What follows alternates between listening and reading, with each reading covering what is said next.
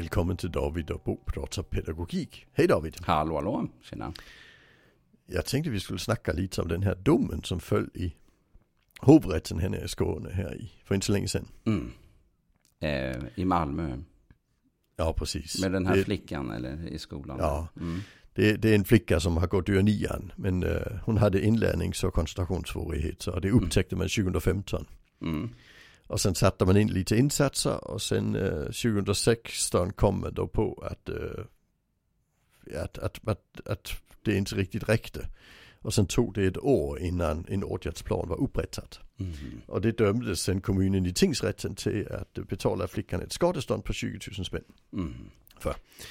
Uh, och det fastställdes i hovrätten. Uh, Mm. Kommunen överklagade detta. Okej, så det där är en, en, en, en tydlig eh, riktlinje för skolor. Ja, om hur de... Men det, det är spännande, det är ju varför. Alltså Mm. det, som, det som domen fastslår det är att det är en diskriminering. Nej, ja, just det. Och, och, och diskrimineringslagstiftningen, och ja diskrimineringen i Sverige säger att det är några, kallar formella diskriminationsgrunder. Just det. Eh, och det är ju till exempel sexuell läggning eller Mm. etnicitet och så vidare. Men där står också funktionsnedsättning. Ja, just det. Så det de egentligen säger det är att kommunen var funkofobisk och det är det fl- flickan får 20 000 spänn för. Mm.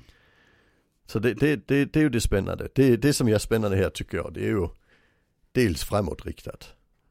Och sen är det bakåtriktat också. Och det bakåtriktade det är ju att alla elever som inte fått sin åtgärdsplan inom ett år, de kan få 20 000 spänn om de tar det i rätten nu. För det är hovrätten så det är vägledande. Mm, just det. Det blir dyrt. Ja, det blir dyrt. Det gäller Ja. att de, eh, de ligger, ligger på eh, nu på, i, i skolorna och verkligen ser till att upprätta planer och skapa det stöd som man behöver. Om man har Ja, det är det, fram, det, är det framåtriktade. Det är det framåtriktade. Ja. Och jag tycker det är spännande för, alltså det var väl så att man skulle göra en individuell utvecklingsplan eh, Mm. för alla elever i, i, vad kom det i, i 2011 skollag va? Eh, ja, det kanske gjorde jag inte hundra, men det kan det ha gjort. Ja, eller var det Mm. till och med tidigare. Men sen plockades det ju bort. Mm, Eh, det. kravet på att det var alla. Man tyckte att det blev för mycket jobb med det. Ja, för mycket administration. För mycket administration. Så Mm. därför sa man att bara när det är nödvändigt. och Just det är den här domen den egentligen säger det är att ja, men det är nödvändigt när det är en funktionsnedsättning. Mm. Så det är inte skolan som ska bestämma om det är nödvändigt. Det är ju sånt jag har stött på ibland. Att när man snackar med skolan så säger de, nej vi behöver inte upprätta. Mm. Alltså för det, vi tycker inte det är nödvändigt. Och det säger den här domen att så kan man inte tänka. Nej, Nej. Man ska göra rätt beslut av om det är nödvändigt också. just det. Ja. Så att eh, eh, här blir det väldigt tydligt att eh, eh, skolorna måste upprätta eh, ty en tydlig plan för hur man ska jobba. Och Mm. egentligen är det ju inte något konstigt med det kan man ju tycka. För att jag menar, i massa andra verksamheter så har vi ju, eh, liksom ställs vi inför en svårighet eller ett problem så måste vi hitta lösningar på det. Och Ja. många gånger så sätter man kanske samman en grupp i någon, i någon verksamhet. Kanske man sätter samman en grupp av personer som ska lösa en, en, en situation eller ett problem som uppstått. Och sen, och sen får de liksom rapportera hur, hur ska man jobba med det här framöver så att man har en plan. Liksom. Mm. Eh, Alltså vi kan, ju- vi kan ju jämföra med, med sjukvård. Alltså kommer, kommer ja, du in och har, där, där är det inte så att, att läkaren säger, "Nej, men vi tänker inte ta reda på varför du har ont. Mm, Alltså för det behöver vi inte göra. Vi behöver bara göra det när vi tycker det är nödvändigt. mm. Så du får en huvudvärkstablett.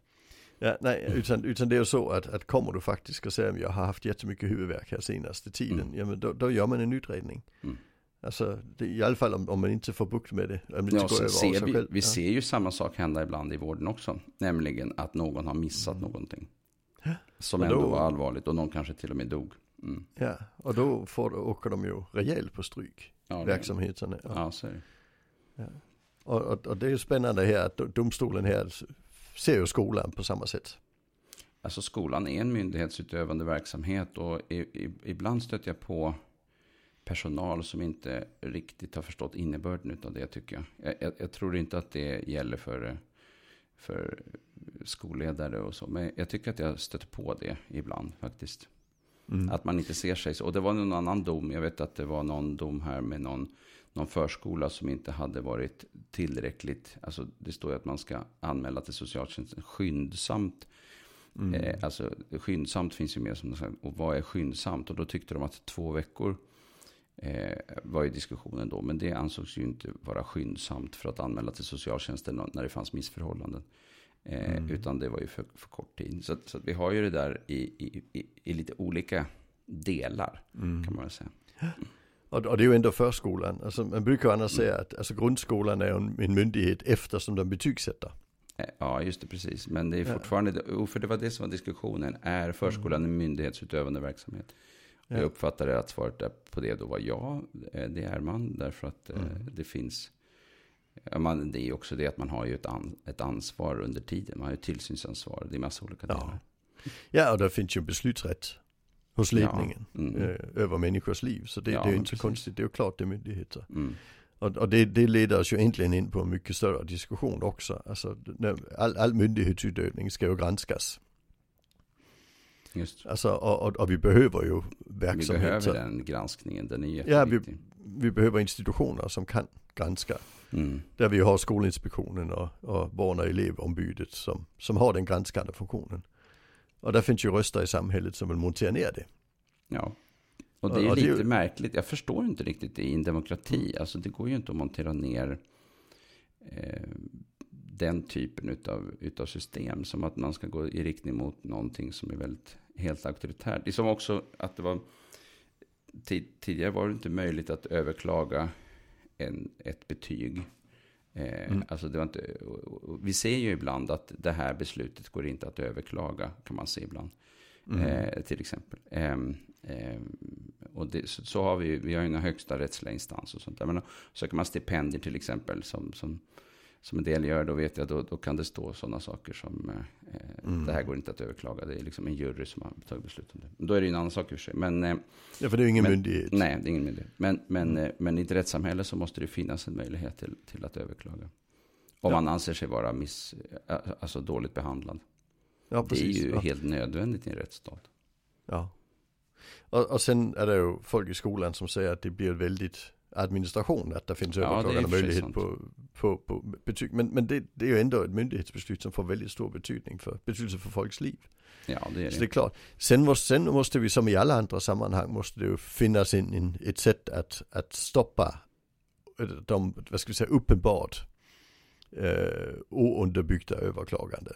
Alltså grejen är ju den att eh, eh det, det har jag stött på ganska många gånger att man har till exempel föräldrar som tycker att saker och ting är, är felaktigt i skolan och, och, anmäler och anmäler och anmäler. Och varje gång så får de nedslag i, i, i form av att nej, skolan gjorde rätt. Alltså, mm. Så vi har, ju, vi har ju många delar i det här. Det är ju inte alltid mm. så att, att man får rätt bara för att man anmäler. Utan det ska ju prövas. Och det måste ju prövas av någon som förstår sig mm. på det hela, som kan någonting. Ja precis. Eh, och det är klart att den kompetensen varierar. Så att en del har ju, har ju blivit väldigt, eh, fått, fått en väldigt dålig genomgång och på det sättet också eh, i, i, inte blivit hjälpta på det sätt som de skulle ha behövt bli.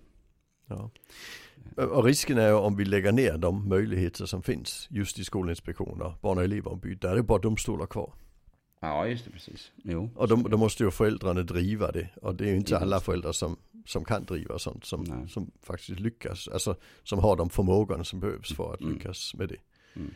Så, så det är ju också, där kan vi säga att det här det är ju ett spännande fall. För det har drivits av diskrimineringsombudet.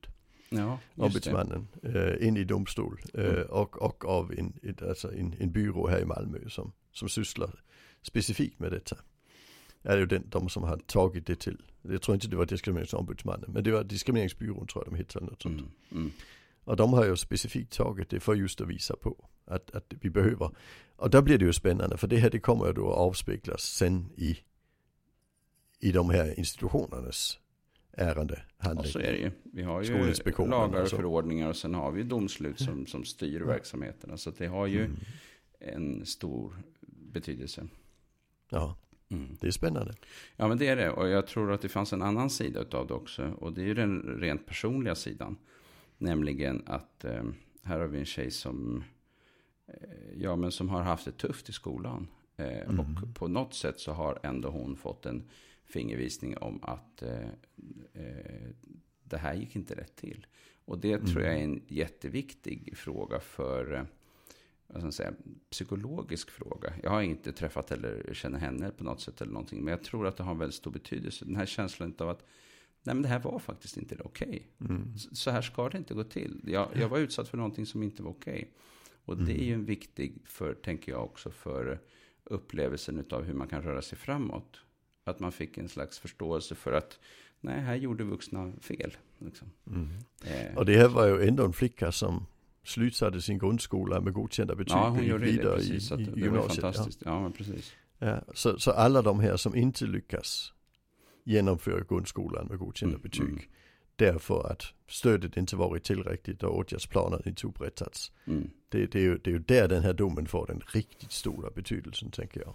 Ja, alltså det är alltid svårt det där för att eh, sen kanske skolor blir jättebra på att upprätta åtgärdsplaner men själva stödet blir undermåligt. Eh, ja. Och, eh, och eh, ibland så styr juridiken på ett sätt som är lite knivigt i den bemärkelse att det blir väldigt mycket fokus på att papperna ska vara i ordning. Men det är inte säkert ja. att det man gör sen är så himla bra. Och det Nej. kan jag oroa mig för ibland med den här enorma eh, vad ska man säga, rörelsen i riktning mot hur, hur, vårt samhälle har gått i riktning mot att det är juridiken som styr eh, mm. i, i allt fler avseenden. Ja, precis. Eh. Och, det är ju där att vi egentligen skulle vilja stärka de här myndigheterna istället, Skolinspektionen och Barn och elevombudet. Mm. Så att, att, att de kan komma ut och titta, hur gör mm. ni faktiskt? Mm. Och, sen, och sen stärka upp alltså, specialpedagogiska skolmyndigheten också. Nej, precis. Alltså att, att se till att skolan använder dem. De mm. används ju oerhört lite jämfört med, alltså specialpedagogiska skolmyndigheten är alltså en, en myndighet av specialister som, som erbjuder skolor stöd gratis mm. ja, i förhållande precis. till anpassa. Och ändå är det många skolor som det, aldrig har dem. Att det är så många som inte har använts utav, utav ja. den möjligheten när den finns. Faktiskt. Ja. Alltså det, det, jag tycker det, det är ungefär som gratis städhjälp hemma. Jag hade tackat ja direkt. ja, det är nog många som hade gjort